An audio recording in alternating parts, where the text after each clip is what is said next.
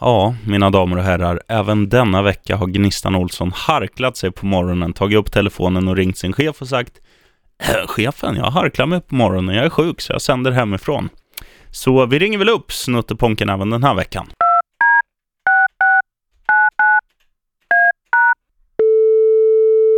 Ja, det är Olsson här faktiskt, faktiskt. Lurad, han är här på riktigt. Jag är här på riktigt och det känns jävligt skönt att vara tillbaka här i studion och kunna göra på ett annat sätt än att sitta i soffan med kalsongerna på och kanske pilla mig själv i naveln lite grann. Det var i och för sig ganska skönt, men samtidigt, ljudet blir inte alls samma sak som när man sitter här inne i studion. Du, du sa där själv tror jag, jag vet inte om det var i podden eller när vi snackade efter, att du kände dig som en så här utrikeskorre. men det kändes lite så. Och det kändes framförallt också som man gick tillbaka till så här 1905 i ljudnivåerna. Mm. För det var ungefär så det lät liksom i gamla tv-sändningar, fast då fanns väl kanske i och för sig inte tv, men radiosändningar då, Mm. lät ju inte jättebra.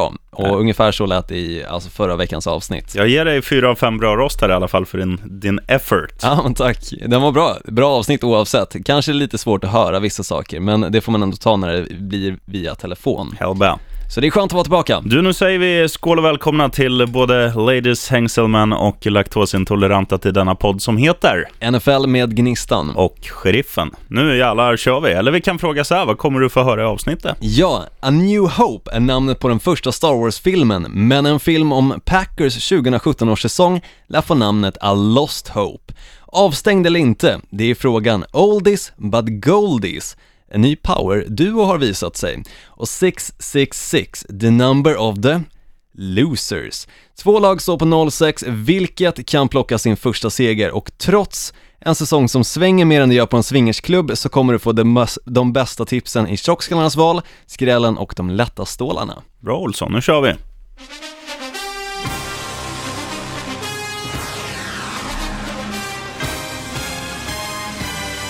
They're gonna feel that vibe. I promise y'all. They're gonna feel it. We good. We good. Oh, he's thrown out of bounds over on the far side, and there's a couple of penalty flags. This is totally out of control. Gnistan Olsson. Du, innan jag summerar gångna veckan så ska Ja. jag berätta en, eh, en bomb här för alla som lyssnar på denna podd just nu, idag, onsdag den 18 oktober. Klockan 19.30 ungefär idag så kommer du och din tjej utsättas för en viss grej på Hovet. Ah, du tänkte det. Jo, vi kommer vara med i den så kallade Menswear Challenge där vi alltså kommer ställas mot varandra och försöka få flest antal puckar i mål. Mm. Så kom till Hovet, eh, matchstart 19.00 AIK Björklöven. Men nu ska vi inte snacka hockey, utan nu Nej. ska vi snacka en sport där bollen inte är rund. Nu har man ingen boll i hockey, men du fattar vad jag menar. Ja, jag förstår vad du menar. Den är åtminstone rundformad. Ja, fokus nu på den äggformade fot fotbollen och nu tänkte jag, sheriffen, summera gångna helgen. Och Kör på. Idag reserverar jag mig för att det kan ta längre än en minut, för det hände så sjukt mycket. Men Ja, jag, men det. Mm. kokar ner det här till en, en oxfond, kan man säga. Oh. För att dra en matparallell. Okej, är du med? yes. Jets inledde urstarkt hemma på MetLife och hade 14-0 i matchinledningen mot Patriots, men firma Brady Gronk vände på steken och visade att den skakade jätten fortfarande är störst i AFC East. Divisionsrivalen Dolphins stod för omgångens bragd när de vände 0-17 till seger i Atlanta.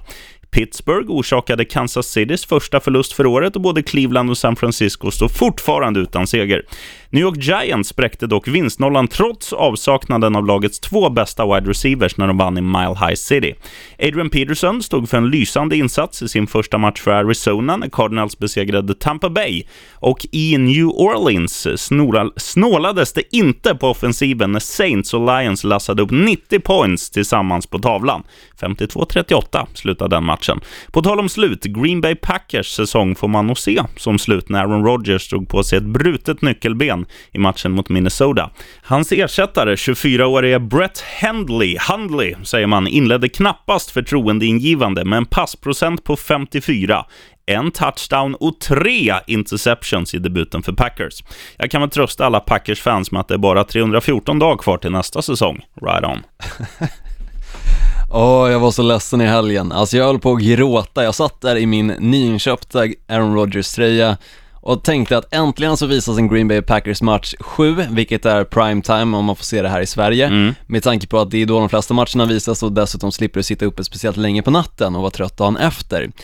Och vad händer i den första matchen då? Jo, dessutom i den första kvarten. Han går ner sig. Han Fy är, han är fan, för vad dålig. För dåligt tränad. alltså. Och jag tänkte dra lite mer om just Aaron Rodgers i själva händelserna som har hänt alltså under veckan. Vi kör. Is enough for a first down. Ja, i helgen förlorar alltså en hel stad sina chanser att återse Lombardi Trophy och kunna kalla sig för mästare då Aaron Rodgers skadade sig redan i första kvarten efter en regelrätt tackling. Tyvärr. Hade varit skönare ifall det inte nu var det. Han försvann kort därefter till omklädningsrummet där det bekräftades att hans nyckelben var brutet och så var Packers chanser om Super Bowl grusade. Påverkan att tappa någon som Rodgers är förödande för ett lag då hela anfallet bygger på hans talang och med det är NFC North up for grab. Samtidigt så ger det också hopp till andra lag i NFC och främst de som alltså har Packers på sitt spelschema. Och för att gå in lite grann, det är ju verkligen ett lag som många i förhand hade tippat på skulle kunna ta sig till Super Bowl och framförallt ett lag som var givet att komma till slutspel. Nu är ju chanserna att ens ta sig till slutspel väldigt, väldigt små med Brett Hundley som quarterback. Mm. Så det kommer bli intressant att se. It'll be second down and seven. Och det är mycket oklarheter kring Ezekiel Elliott. Är han avstängd eller ej? I nuläget så är svaret ja, han är avstängd. I helgen kom det rapporter om att Elliots avstängning återigen var på bordet och att den kommer träda i kraft omgående. Men de senaste dagarna har det gett nytt hopp för både Cowboys och Ezekiel Elliott då hans avstängning tycktes bli uppskjuten ytterligare men NFL har efter helgen gått ut med ett uttalande där de väldigt tydligt fastslår att han är och kommer att förbli avstängd men precis som på Paradise Hotel kan allting hända. It's third and 22. Och Teddy Bridgewater har gått igenom de sista testerna och är från och med nu redo att komma tillbaka till träningarna, men hans position i laget som starting quarterback är inte lika självklara som när han skadade sig under preseason förra året. Då både Sam Bradford och Case Keenum har visat sig vara lovande starters så kan han i nuläget vara överflödig trots lovorden från coach Zimmer. Och när man snackar om Vikings måste jag slänga in So now you're in a situation, it's fourth down and 20. Och Tom Brady, även kallad GOAT, greatest of all time, blev i helgen historisk på ytterligare en punkt. Med vinsten mot New York Jets blev han nämligen den quarterback med flest antal vinster under ordinarie säsong och har nu hela 187 stycken och det lär bli fler trots att han är 40 år gammal. Varför har vi inte fixat en fanfar på den här ljudbanken Olsson? Jag vet inte. Han får en golfapplåd. Men vi har en liten visselpipa. Härligt Tompa. Och till dig. Du är bra Olsson. Ja men tack så mycket. Eh, eh, en liten grej som jag eh, vill reflektera över, Mm. det är ju också att eh, en, som vi också ska nämna i detta svep tycker jag, som är borta. Det var ju redan, JJ Watt gick ju sönder förra veckan. Ja Och nu precis, gick och, ju också- Odell och Marshall gick ju samtidigt också Mm. ner sig Och nu veckan. gick ju eh, han den andra som gick first overall för två år sedan, Jadavian Clowney, försvarsspelare i Houston Texans också, sönder i en märklig situation. Mm, nej, just Houston Texans har problem med deras försvar när det kommer till skador. Och den här säsongen inledde de med att vara ett av de starkaste försvaren, men nu så ser det ju väldigt svagt ut. Och jag tror att om det är någonting som ska stå emot Houston Texans för deras chanser att ta sig långt i slutspelet, för jag tror att de kommer ta sig dit med Deshaun Watson, är just deras försvar. Kommer det hålla eller inte? För när du börjar gå ner på till exempel andra spelaren eller till och med tredje spelaren så har du väldigt, väldigt svag, stora svagheter i ditt försvar. Så det kommer bli intressant att se. Men sen tycker jag också en annan sak som vi borde snacka lite om, det är ju som sagt två lag som fortfarande inte har vunnit en enda match. Och vilket av 06-lagen kan faktiskt bli först med att spräcka nollan eller kommer någon ens lyckas med den bedriften med tanke på hur deras spelschema ser ut framöver? Du vet att vi har en kebab sen tidigare på att Cleveland ska vinna Jag vet, var det? sex matcher. Ja, och den är ju den är redan hemma. Ja, alltså jag har kollat lite hur det ser ut med deras spelschema framöver och som det känns så tror jag tyvärr att Cleveland inte har någon chans att lyckas ta sig till en vinst. För med tanke på hur deras situation ser ut på quarterback-positionen och detsamma gäller ju 49ers. Båda lagen har bänkat deras quarterback mitt i matcher Ja. och bägge lagen har från en vecka till en annan vecka bytt quarterback helt och hållet. Vilket betyder att det blir ju en väldigt stor osäkerhet i laget och det visar ju inte från coachen att coachen har förtroende för sina spelare heller. Ifall du spelar dåligt en liten stund så plockar han helt enkelt bort dig. Och det är sånt som faktiskt gör att de här två lagen förmodligen ligger på 0-6 just nu för att det inte finns det här riktiga förtroendet från coachen till sina spelare. Och samtidigt så har de ganska tuffa scheman framöver så det ska bli intressant ifall någon faktiskt lyckas och spräcka den där nollan eller ifall fallet inte kommer bli så. Dock så kan jag väl säga att fördelen för just 49ers del är ju att de har ju de fem senaste matcherna inte förlorat med mer än tre poäng. Nej, jag skulle komma till det. Det är ju skillnaden att de har ju, de har ju, nu finns inte otur på samma sätt i amerikansk fotboll som i kanske ja, vad ska vi dra till med? Frisbeegolf. Det finns inga trän att träffa. Nej, precis. Men eh, just det där att Cleveland Browns är ju, det sitter ju i väggarna. Ja, det gör det. Och det sitter i ställen, det sitter i omklädningsrummet, det sitter i hjärnorna, det sitter överallt. Bara du drar på den där tröjan blir du en förlorare. Mm. I fallet 49ers så är det lite mer, visst de har också nu byggt upp en mer eller mindre en förlorarkultur sen de faktiskt var i Super Bowl för vet jag inte hur många år sedan det är. Fyra, fem år sedan tror jag. Ja, då, var, då kändes Mm. de ju lite på gång när Kaepernick var ny och så här. Ja, definitivt. Men, men nu är de ju verkligen på dekis och, och nu är det så här också att när de är med i matcherna, nu vet ju de att okej, nu leder vi med tre poäng inför sista koden. Släpper vi inte till något poäng, då kommer vi vinna. Mm. Men så, ja, sen släpper de till en, ett field goal. Det blir even Steven lika, matchen går till övertid och, och de vet så här, okej, nu kommer vi förlora, för vi förlorar alltid. Ja, ja, men alltså det måste vara jobbigt samtidigt att känna den här känslan att om vi bara hade kunnat sparka in ett enda field goal till så hade vi lyckats med att vinna åtminstone en match den här säsongen. Men det har de inte lyckats med utan istället förlorat på tre eller två poäng. Mm. Och det måste kännas snopet som fan alltså, att åka ifrån till exempel en stad om du spelar på bortaplan med en förlust på endast två poäng. Ja, Konstant just nu de senaste fem veckorna. men svaret på din fråga vilka som tar en seger först, eh, 49ers, inget snack. Ja, jag tror faktiskt också det med tanke på att Cleveland inte ser ut just nu att ha några chanser alls. Det kan faktiskt vara så att nästa år de kommer se bättre ut för att de håller faktiskt på att bygga organisationen på ett bra sätt som faktiskt krävs för att lyckas i amerikansk fotboll. Du bygger kring de stora spelarna. Först O-linen, sen D-linen och sen bygger du till spelarna på sidorna. Mm. Och satsar också på en quarterback, men just nu ger de inget förtroende för Deshaun Kaiser heller. Nej. Och därför tror jag att det går som det går just nu. Du, ska vi gå in på ordinarie program points? Ja, men det tycker jag. You stupid. They're not. What's 9 plus 10? 21. You stupid.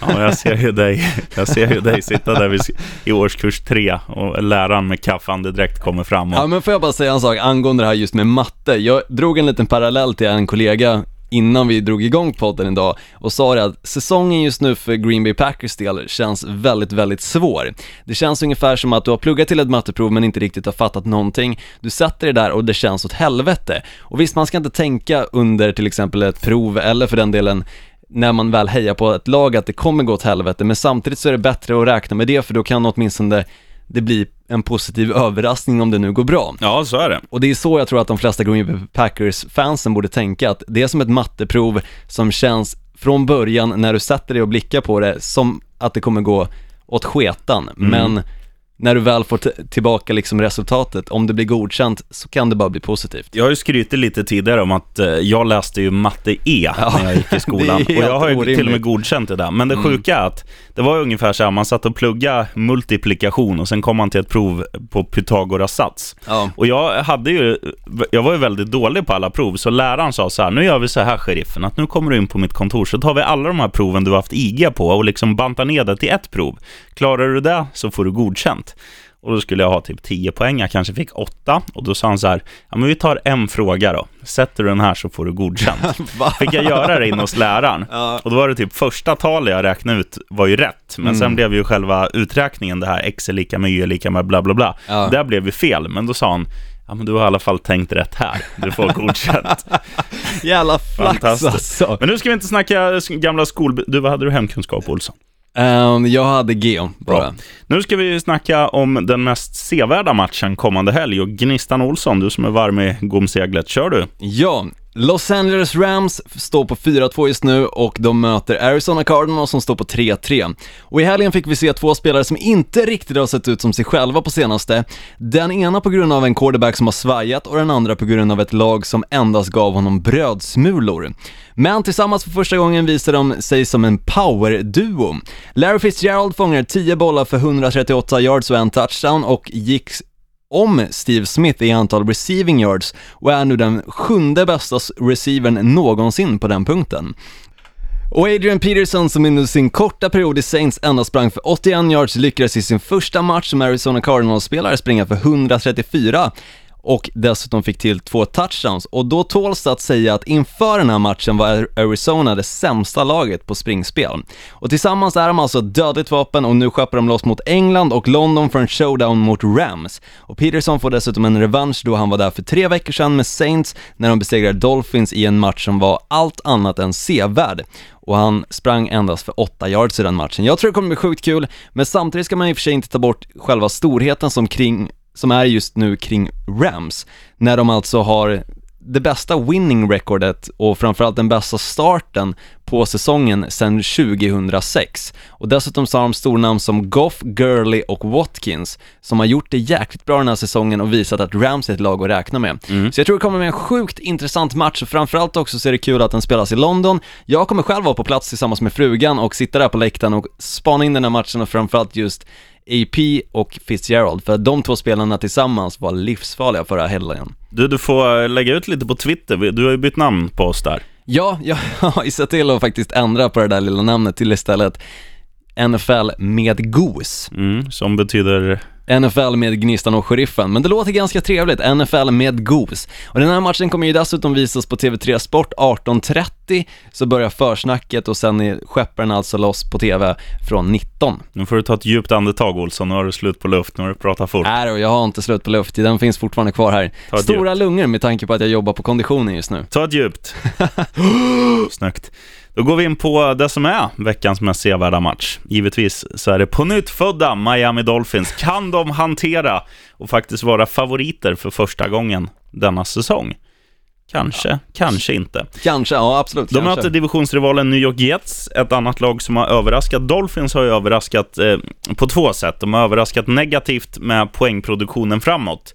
Men de har överraskat positivt att de nu besegrade självaste Atlanta Falcons på bortaplan efter underläge 17-0. Det är starkt. Det är jäkligt starkt. Och så här är det. New England Patriots är ju, det är ju de, the team to beat i divisionen. Vi har ju Buffalo Bills, vi har eh, New England Patriots före oss i tabellen. Vi har snackat Dolphins som vi nu och New York Jets är ju också bra med om man tittar vinster kontra förluster mot vad man trodde på förhand.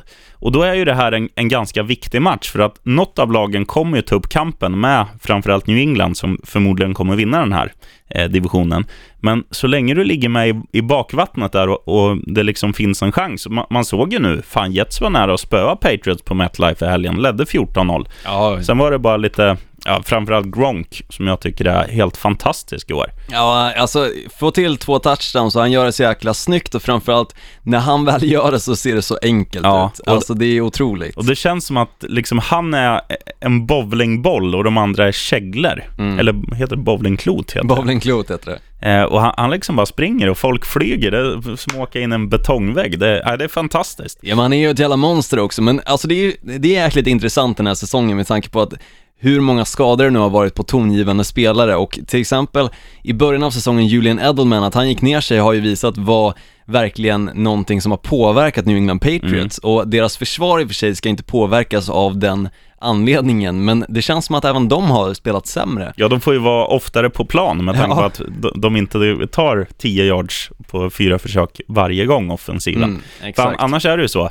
Det gäller ju att hålla New England till ett field goal och kanske göra det två gånger och själv göra en touchdown för att ha chansen att besegra dem. Men mm. nu är det verkligen så här att nu måste New Englands försvar eh, nästan ja vad ska man säga, de, de, får inte vara så bedrövliga som de har varit för att Patriots ska vinna matcher. De, Nej, de måste inte. steppa upp. Men nu ska vi inte snacka Patriots, Nej. utan vi ska snacka den här matchen, för mm. att Dolphins har ju verkligen varit så här, när, när jag har trott på dem så har de floppat. De har liksom, oh, alltså noll gjorda mot Saints i, i London, följt av, ja vad gjorde de borta mot Jets? Det var väl sex poäng, förlorade väl med 26 tror jag. Ja, det var det. De lyckades inte få till extra poängen där. Mm. Ja, men så att dels en revansch på det, dels att hänga med i toppen på divisionen och, och dels få se om de kan hantera ett favoritskap som de nu inte har varit bortskämda med att ha den här säsongen. Men Nej, alltså jag, man, man hoppas ju dels att eh, kokainmissbrukaren som var offensiv koordinator där har, har fått, eller han har ju fått dojan. Men a, att avsaknaden av, av honom är något positivt. Ja, men det kändes ju som det i den här matchen som alltså var nu i helgen och det känns som att det blev ett helt annat lag helt plötsligt än när de hade honom med. Nu tror jag inte att det påverkar jättemycket utan jag tror istället att de här kanske små problemen som fanns med tanke på honom, vilket jag tror ändå det gjorde, för att om du har en kokainmissbrukare som en tränare i laget så är det klart att det påverkar negativt på vissa punkter som många funderar på varför. Och det är väl klart att då blir det en annan match när de väl har plockat bort honom, men att det redan händer efter första veckan är intressant att se och jag tror att Miami Dolphins kan ha fått lite nytt liv, precis som du säger, men intressant att se om de lyckas behålla det här livet, eller om de tappar det direkt. Och sen ska det bli jävligt spännande också, och, eller jävligt spännande ska det inte bli, men, men en grej som man måste nämna, om, om ni som lyssnar nu inte har sett det här, googla Kiko Alonso när han eh, försvarar i slutet av matchen nu, gångna veckan mot Falcons. Jag säger inget mer, jag säger bara att eh, det känns som att han, han orkar lyfta sin fru om han kommer gifta sig. Han kanske är gift, det vet inte jag. Men att ta henne över tröskeln är inga problem. Eh, googla på egen risk, det, det är smaskiga egen risk. bilder. Nu eh, kör vi det här. Shocking. Positively shocking. Ja, ska jag alltså börja då? Givetvis. Mm, som vanligt med andra ord. Jag tror faktiskt att Denver Broncos kommer att vinna borta mot Los Angeles Chargers och i regel brukar lag vara bäst på hemmaplan. Chargers däremot i sina två senaste matcher har ju vunnit på just bortaplan. Först mot Giants i matchen då både Odell Beckham Jr och Marshall skadade sig och nu i helgen mot Oakland. Och de har ju onekligen fått en nytändning och ser starka ut med tanke på Philip Rivers och Melvin Gordon i spetsen som de senaste matcherna har total exploderat. Men jag tror att det är dags för Chargers att faktiskt få ner fötterna på jorden nu när de spelar hemma i LA, som knappt känns som hemma fastän deras tidigare stad bara låg en timme därifrån. Och Samtidigt får man väl ändå räkna in med hela den här grejen att Broncos förlorar nu i helgen mot samma lag som jag precis nämnde, nämligen New York Giants. Men jag tror fortfarande att Broncos kommer att komma tillbaka och de kommer att lyfta sig själva och spela betydligt mycket bättre än vad de gjorde nu i helgen och se till att fixa den här matchen för att just Los Angeles Chargers känns som det lätta laget att kunna möta i en match där du ska komma tillbaka efter en seger. Då känns det rätt positivt att ha just Chargers på schemat efter det. Ja, absolut. Så jag tror på en vinst för Denver Broncos och dessutom så är det 2-0 gånger pengarna på den här matchen och det är bara lassa in. Mm. Eh, du, jag hittade en, ett jävla bjudodds här också på Ja, två, få två. Mm. lag vi har nämnt ganska mycket i den här podden. Det är ju repris på Super Bowl eh, nu Det är faktiskt det. det är New England Patriots hemma mot Atlanta Falcons. Och det vi har snackat om nu, vi har snackat om eh, Patriots bedrövliga försvar. Vi har snackat om Atlantas kollaps mot Miami. Och konkluttan av det hela, det är ju att det är ju lättare att eller det är svårare att vända ett försvar. Och nu tänker jag så här, New- Atlanta kommer ju vara hungrigare till den här matchen än New England. Ja, definitivt. Anledningen är att de vill ha revansch, dels för gångna helgen när de torskar mot Dolphins och dels Super Bowl-finalen för dryga åtta månader sedan eller vad det är, när de torskade mot Patriots just. Och ledde ju stort där, men sen, sen visar Brady att gammal äldst. Och, och nu känns det liksom som att eh, Atlanta såg man ju inför, för, inför föregående år, så såg man ju dem som en bubblare. Okej, det kan bli, man trodde ju att ja, men de kanske går till semifinal. Då har de en jättebra säsong. Nu gick de ända hela vägen till Super Bowl, var till och med nära att vinna. Inför i år är de en av de stora favoriterna till att faktiskt lyfta Lombardi Trophy. Och det här är ju lite av ett mandomsprov för dem att de faktiskt är på riktigt. Nu möter de Patriots som absolut inte har imponerat för fem öre och Atlanta har ju egentligen allt att vinna här. Ja, definitivt. Men Atlanta har inte heller imponerat för fem öre den här säsongen, utan på förhand så kändes de absolut som favoriter, men nu de senaste matcherna så har man sett mer och mer svagheter i det laget och precis som man har gjort i Patriots, vilket gör att båda lagen känns ju inte som storfavoriter att ta sig till en repris på Super Bowl det här året. Men, men samtidigt är det ju spelarna, i, i båda lagen så är det ju så här, de spelarna som ska leverera i Patriots, de har levererat eh, sjukt bra. Då t- tänker jag på Brady och jag tänker på Gronk. Ja, absolut. Tittar man på Atlanta så har ju deras offensiv, visst den har inte varit lika bländande som förra året. Det var ju, de var ju som New Orleans Saints, de lassade upp 40-45 poäng varje match. Det har inte hänt i år. Men det är ändå, det är inte så att, eh, att det är någon katastrof med Matt Ryan, utan han är fortfarande stabil, bortsett från en kanske lite slarvig sista passning förra helgen. Mm, Han kastar bort en chans att avgöra matchen.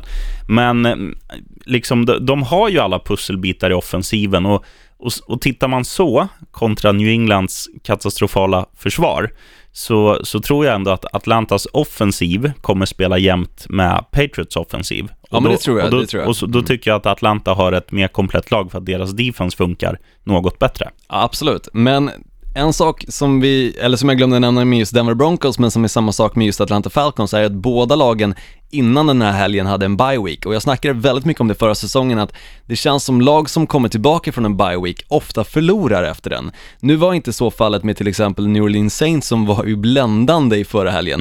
Men just Atlanta Falcons del så såg de inte alls ut som sig själva i matchen mot Miami Dolphins. Att gå från att leda och göra ungefär som i Super Bowl, bara totaltappare, ser ju inte jättelovande ut och samma sak då med Denver Broncos, att förlora mot ett lag som har tappat sina absolut bästa spelare borde inte kunna ske. Nej. Men däremot så steppar ju hela Giants upp och för första gången faktiskt spelar som ett och samma lag. Och jag tror det var 100% underskattning från Broncos sida. Det tror jag med, absolut. Men fortfarande, det är ju någonting med det här just att du har en bye week, kommer tillbaka och förlorar. Mm. Men nu är ju både Denver Broncos och Atlanta Falcons inspelade efter sin bye week, efter den här veckan nu. Båda kommer från förlust dessutom och är jäkligt revanschsugna och Atlanta Falcons, precis som du säger, de är hungriga och framförallt vill spöa New England Patriots med tanke på hur Super Bowl-finalen såg ut.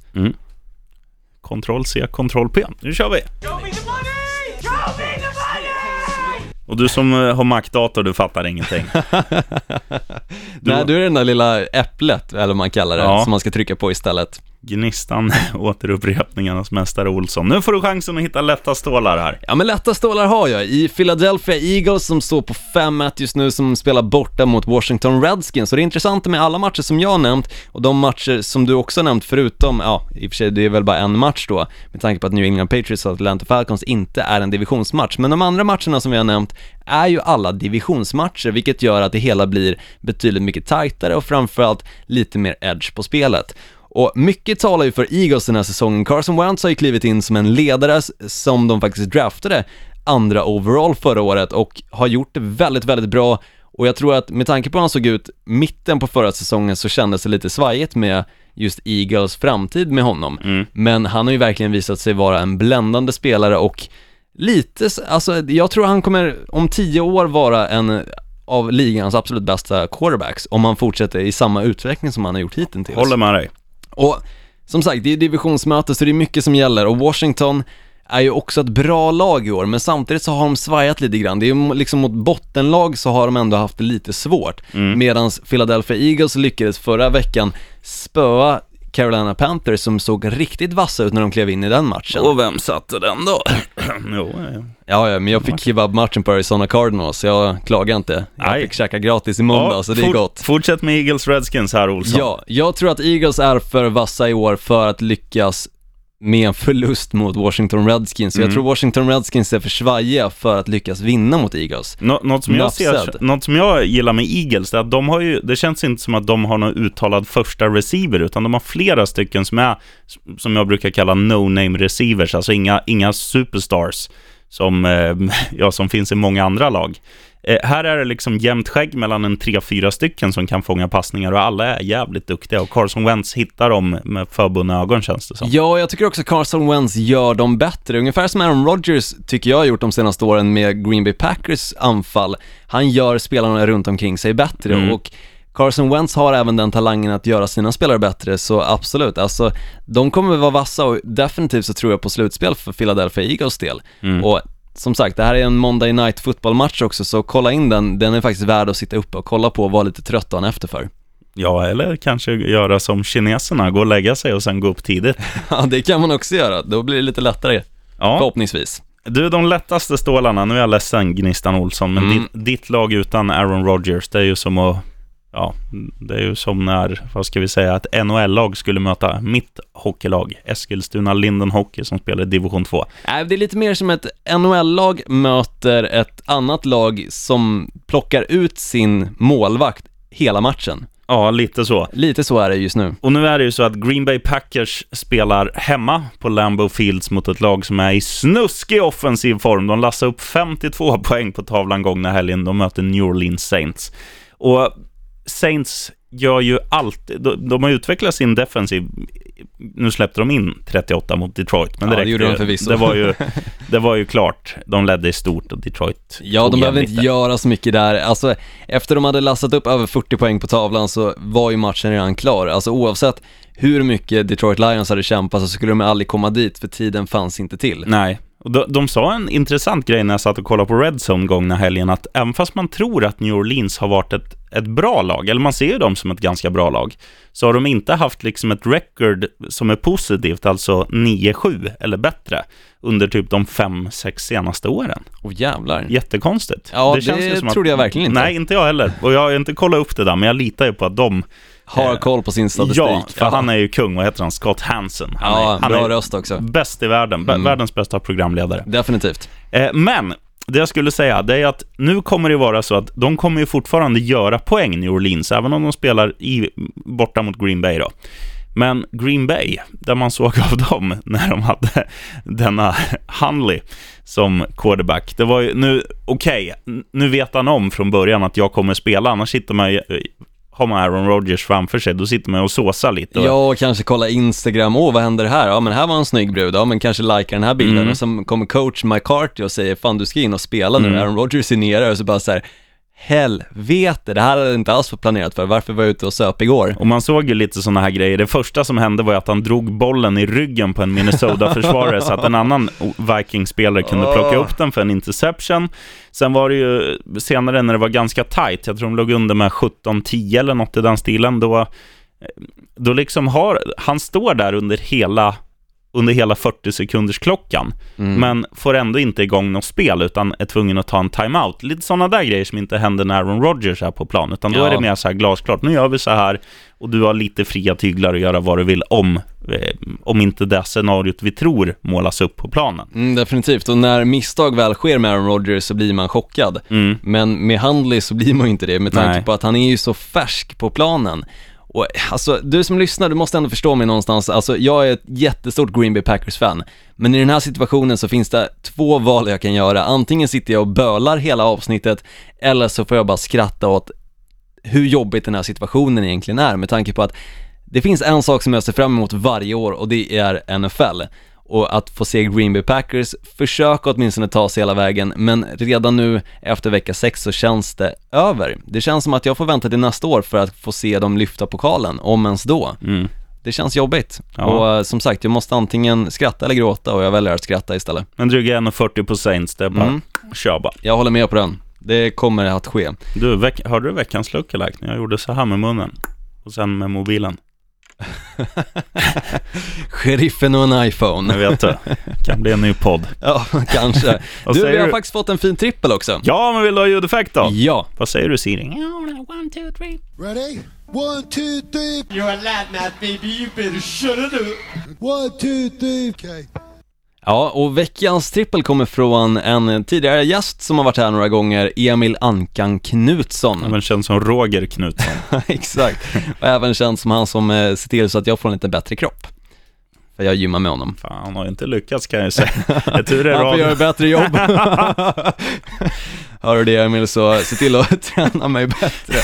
Sheriffen tycker att jag är Nej, lite han, han är skön. Du, ett Mm. meddelande till dig Ankan också. Jag ska ju till USA här om en månad, så typ 22 november, då får du hoppa in för mig. Vet du. Första gör vi på Skype, andra får du, får du ta i studion. Right on. Yes, men nu kör vi hans trippel. Och han skriver så här, det här är ju ändå skrällarnas säsong, så här kommer en trippel som ändå är rimlig. Falcons spöar Patriots till 2,62 gånger pengarna, Denver spöar Chargers till 2,05 gånger pengarna och det här kan ju gå som veckans säkraste skriver han också, jag hade ju även den matchen som en skräll. Sen avslutar han trippen med förlåt sheriffen, Jets mot Miami, alltså att Jets kommer vinna med 2,48 gånger pengarna och det blir totalt 13,38. Och sen om man är lite bold skriver han kan man slänga in Redskins mot Eagles 2,89 gånger pengarna och fan, jag vill inte, skriver han, men Cardinals mot Rams 2,53, vilket ger en total odds på 97,63. Som sagt, i skrällarnas säsong så vad som helst kan tydligen hända. Men inte Dolphins. De förlorar aldrig. Jo men alltså jag håller ju med honom och det snackade vi också om tidigare i avsnittet att det är ju verkligen en säsong där allting händer. Ja, ja. Alltså det är ju lag som du inte hade räknat med som just nu leder sin division och alltså det känns som att hela liksom slutspelet är up for grab. Alltså vem som helst kan ta sig dit förutom Cleveland Browns och 49ers ungefär. Ja, och och eh, Giants kan man väl räkna bort med 1-5 också. Ja, det kan man väl i och för sig göra med tanke på att oddsen att de ska lyckas ta sig dit är ju väldigt, väldigt små. Men om vi bara kollar på de som just nu leder sin division så är det till exempel NFC North Minnesota Vikings, det kanske inte är en direkt skräll. Det gjorde de förra året vid den här tidpunkten också, men sen gick Ted Bridgewater sönder och då vände det.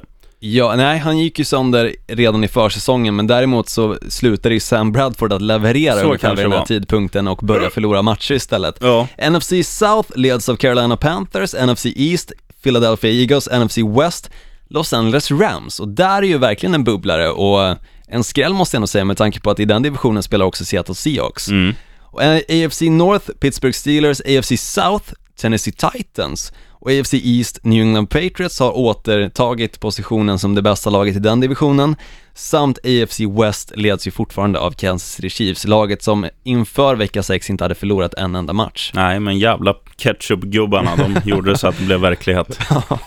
Skitlag. Ja, Jag vet att du tycker det, men jag tycker ändå att det var schysst hur den matchen avslutades med James Harrison äntligen får komma in och faktiskt göra någonting. Och de hade ju snackat om att de hade sparat honom för just den matchen, vilket låter helt orimligt att de ska veta att Kansas City Chiefs kommer vara den tuffaste matchen då de inte kommer att ha förlorat en enda match. Men tydligen, ja, jag vet inte, de kan se in i kristallkulan, det kan inte vi. Så de lyckades ju vinna den såklart, tack vare James Harrison. Nu drog du alla över en kam här, Olsson. Jag kan se in i framtiden. Dolphins vinner på söndag. Nej, det kommer nog inte hända. Nu, i- New York Jets kommer att se till att eh, delfinerna åker, ja, eller det är i och för sig hemmaplan för Miami Dolphins kommer jag på. Miami has the Dolphins, the greatest football team. De kommer få åka hem till sina små hem. Den kommer spelas minst fyra gånger.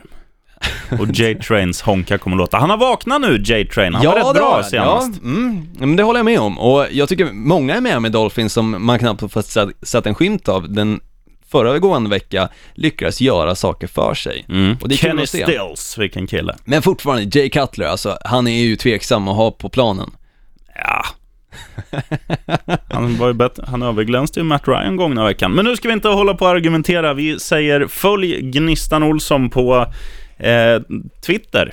Ja, det är bland annat. Det är ju både dig och mig de följer såklart, Ja, men, men det är jag jag som jag står för själva logga in. rapporteringen. Men NFL med GOS heter vi från och med nu, för att det låter lite bättre, det låter inte som en könssjukdom, utan istället så låter det mysigt bara. Mm, låter som hångel och ha- hallonhjärtan. Ja, ungefär. Man vet aldrig vad som händer i det där flödet när jag väl börjar rapportera. Du, jag ska, måste dra en story eh, bara snabbt. Inte om gos, men om mys. Ja. Det var ju Eh, väldigt kul häromdagen. Jag ligger hemma hos min tjej. Eh, jag har varit och jobbat och hon är iväg och jobbar på kvällen. Och sen, sen ringer hon och är så här, eh, ja men uppspelt. Och jag bara, vad är det? Hon bara, jag känner mig som Gessle. Jag bara, vadå Gessle? Ja men här kommer alla känslorna på en och samma gång. Jag, jag ska åka och köpa godis, vill du ha något? Jag bara, ja men köp en typ Cola Zero eller något. Eller julmust kanske om det har kommit. Så hon köpte med sig en julmust hem till mig. Och själv är det liksom så att hon nästan behöver eh, ringa en flyttfirma för att få med sig godispåsen in. Den var Richie Puss-tung, alltså 100, ja nu vägde inte 140. Men, men för en vanlig liksom, man köper smågodis, man kanske lägger 25-30 spänn. Hon hade nog lagt 250 på den där. Och jävlar, och då kommer alltså alla känslorna. Mm. Spykänslan efter man har käkat godis för 240 spänn, det är inte en rolig Mm. Jag situation. ska berätta off air sen vad hon spydde av, av igår. Det är det sjukaste jag har hört. Det var Olsson-nivå på den. Va? Ja, men vi tar det off air. Okej, okej, det blir kanske en liten tease till nästa vecka ifall jag nu vågar berätta det. Vi tar det on air, vi tar Ja! det on air. Bra sheriffen! Fan vad jag snackar skit om Ja. Majsan. Så här var det. Hon var på restaurang igår Ja, med sitt jobb. Och sen så, så ri- ringde hon och, och jag skulle komma och hämta henne. Och jag bara, okej, vad, har, har du läskat näbben något då?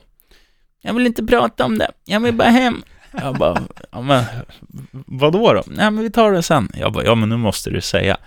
Nej men här var det, först eh, så åt alla förrätt och sen var det varmrätt och, och så beställde alla in råbiff och då tänkte jag, men det låter ju gott med biff. Och sen kom det in och sen åt jag.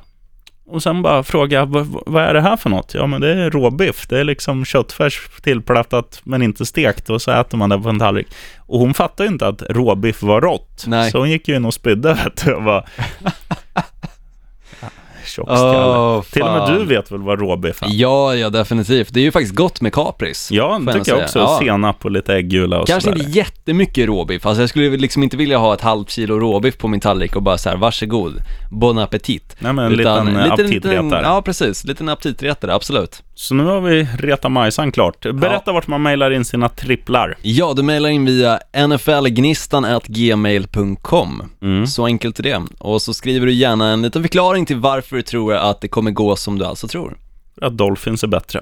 Du, nu eh, stänger vi butiken för idag. Tack som fan du som lyssnar. Tack till dig som recenserar. Det gör man ju inne på podcaster. Leta upp oss, NFL med Gnistan och Sheriffen. Och sen, ja, betygsätt från hjärtat. Tycker du det här är en femma, eh, så, så sätter du det. Ja, det Tycker du klart. att det är en etta, sätt en tvåa för att vara lite schysst. Ja, precis. Går det under femman så se till att vara lite snällare och sätt ett, eh, en stjärna bättre. Och skriv gärna varför du tycker det är bra eller vad vi kan göra bättre, så, eh, så ska vi ta oss i dubbelhakan och lyfta oss. Definitivt. Tack Du- för oss. Skit på dig!